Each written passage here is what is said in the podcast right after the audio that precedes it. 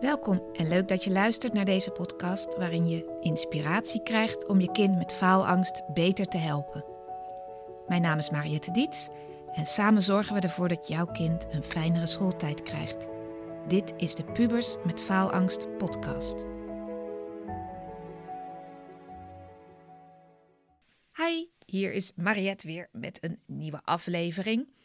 En uh, het onderwerp van vandaag is heeft mijn kind faalangst?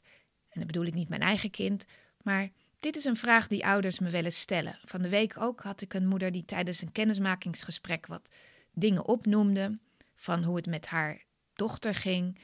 En puberdochter, weet ik, jaar 16, 17 denk ik. En aan het eind van het gesprek zei ze: En wat denk je, Mariette? Heeft mijn kind faalangst? En dat zette me aan het denken van waarom stel je die vraag ik ben, oké, ik ben niet heel erg anti-anti-anti-diagnoses, maar soms denk ik, waarom vraag je je af of dit faalangst heet? Je hebt gewoon last, of je kind heeft last van bepaald gedrag. En of dat nou poekie poekie heet of faalangst, daar wil je gewoon vanaf. Dus ik zie dat niet iets als, oh, dat heb je, als een stoornis. En dus dat gaat een beetje tegen de de psychologen in die via de DSM een checklist hebben, die je ook kan googlen van oké, deze, deze, deze kenmerken, dan heb je een angststoornis bijvoorbeeld.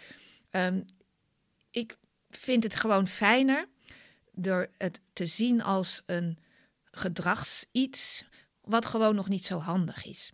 Dus een kind wat bijvoorbeeld heel erg stresst op de avond voor een toets, of wat tijdens een toets begint te stressen en daardoor een blackout krijgt, of een kind wat dichtklapt bij een presentatie voor de klas, ja, dat zou je kenmerken van faalangst kunnen noemen. Maar dan door het zo te labelen, is het echt iets van: oh, dit heb je.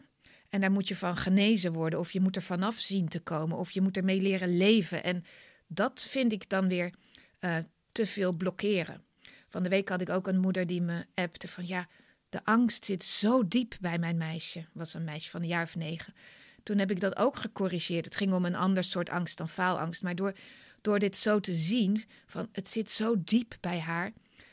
Dat is ook een bepaalde hypnose, een bepaalde manier van kijken, die niet helpend is. Want als jij al denkt, oh het zit diep bij haar, hoe moet het dan voelen bij dat meisje? Als jouw moeder al zo vol medelijden of vol, ja, ik weet niet, spanning kijkt van, oh, mijn kind heeft een hele diepe angst. Dus het helpt als je er wat lichter over denkt. En dan wil ik niet alles bagatelliseren van, joh, je moet maar even gewoon anders doen en dan is het over.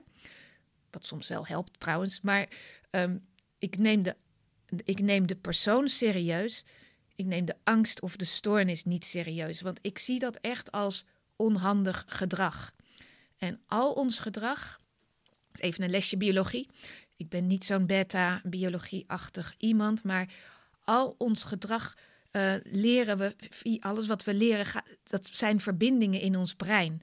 Dus sinds je geboren bent, heb je heel veel hersenverbindingen geactiveerd. Hè, met alles wat je hebt geleerd. Je hebt leren kruipen, je hebt leren staan, je hebt leren lopen, je hebt leren fietsen, je hebt een lepel in je mond leren stoppen.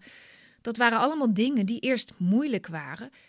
En door dat vaker te oefenen, er wordt steeds bij alles wat je doet uh, energie afgevuurd van de ene hersencel naar de andere. Technischer dan dit ga ik het niet maken. Maar stel je maar voor dat je paadjes maakt. Dat je in een oerwoud paadjes aan het maken bent in je brein. En hoe vaker je dat paadje beloopt, hoe, vaak je oefen, hoe vaker je oefent met lopen bijvoorbeeld of met fietsen. Hoe makkelijker dat gaat, hoe meer belopen dat pad is. En met angst, met stressreacties, is dat eigenlijk ook gewoon een pad, een trigger die jou een pad laat belopen in je brein. Dus een bepaald hersengebied wat heel erg actief is op het moment dat jij angstige of stressvolle situaties meemaakt. Hoe dat dan ook ontstaan is, of dat nou is doorgegeven vanuit je ouders, of dat je iets naars in het begin hebt meegemaakt in je leven. Dat even terzijde, maar er is gewoon een hersengebied wat heel gevoelig is en snel oplicht als iets dan met gevaar, met toetsen, met uh, beoordeeld worden of wat dan ook te maken heeft. En wat we dus willen bereiken als we daaraan gaan werken, is dat dat, dat paadje in dat brein wat meer gaat overwoekeren. En dat bereik je vooral door heel veel alternatieve paadjes te bieden. Dus allerlei manieren die ervoor zorgen dat er niet maar één pad is wat leidt richting een paniekaanval of een blackout, maar dat er nog veel meer paadjes zijn. En dan heb ik het echt over fysieke oefeningen. Bijvoorbeeld, heb ik toch vaak genoeg gezegd, ademhalingsoefeningen. Die maken dat je brein rustiger wordt. Ehm, er zijn nog meer oefeningen. En in de volgende aflevering ga ik weer een setje van vijf kleine oefeningen doen. Dus niet zo'n visualisatie, maar losse oefeningen. Die je gewoon dagelijks kan oefenen. Die maken dat je op het moment van een stresssituatie het snel weer kan laten zakken. Maar het zorgt er ook voor dat het gebied, dat oude paadje, dat dat wat minder snel geactiveerd wordt.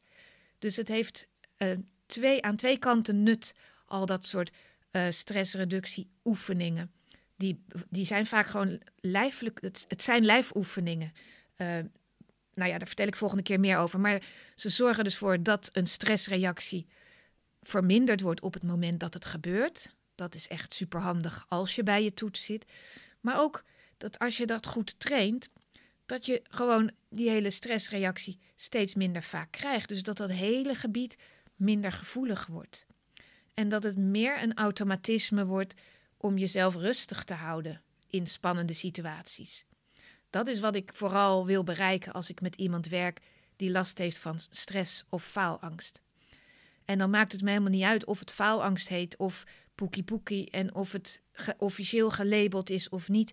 Ik zie het echt als iets neurologisch wat gewoon niet zo handig gaat. En ik zie het brein echt um, als iets wat kan veranderen door training. Dat, het, het is leerbaar. Een kind is leerbaar. En dat heb ik toen ook geantwoord naar die moeder die zei: Oh, die angst bij mijn dochter zit zo diep. Dat ik had geantwoord: Dat is gewoon geen handige projectie, als je dat zo noemt. Blijf je kind zien als een leermachine. Iemand die al heel veel geleerd heeft sinds hij of zij geboren is. En iemand die nog heel veel kan leren en die nog heel veel gaat leren. Dus heeft je kind last van onhandig gedrag. En dan is het niet alleen maar stress, maar ook het driftbuien of um, een beetje lastig concentreren. alles wat niet handig is, kan je ook leren, je brein, om daar wat handiger mee om te gaan. Dat is eigenlijk wat ik vooral wilde zeggen in deze aflevering. Dus heeft je kind faalangst? Ja, misschien wel. Maar blijf het vooral zien als iets waar je kind ook weer vanaf kan komen. Je hoeft hier niet je hele leven mee rond te lopen. En als je het bij jezelf herkent, kan je ook denken van nou, misschien moet ik ook maar eens wat nieuwe breinpaadjes leren uh, ontwikkelen, zodat ik minder snel in stressreacties schiet. Heb jij hier nog vragen over? Wil je hier ook eens even over sparren met me?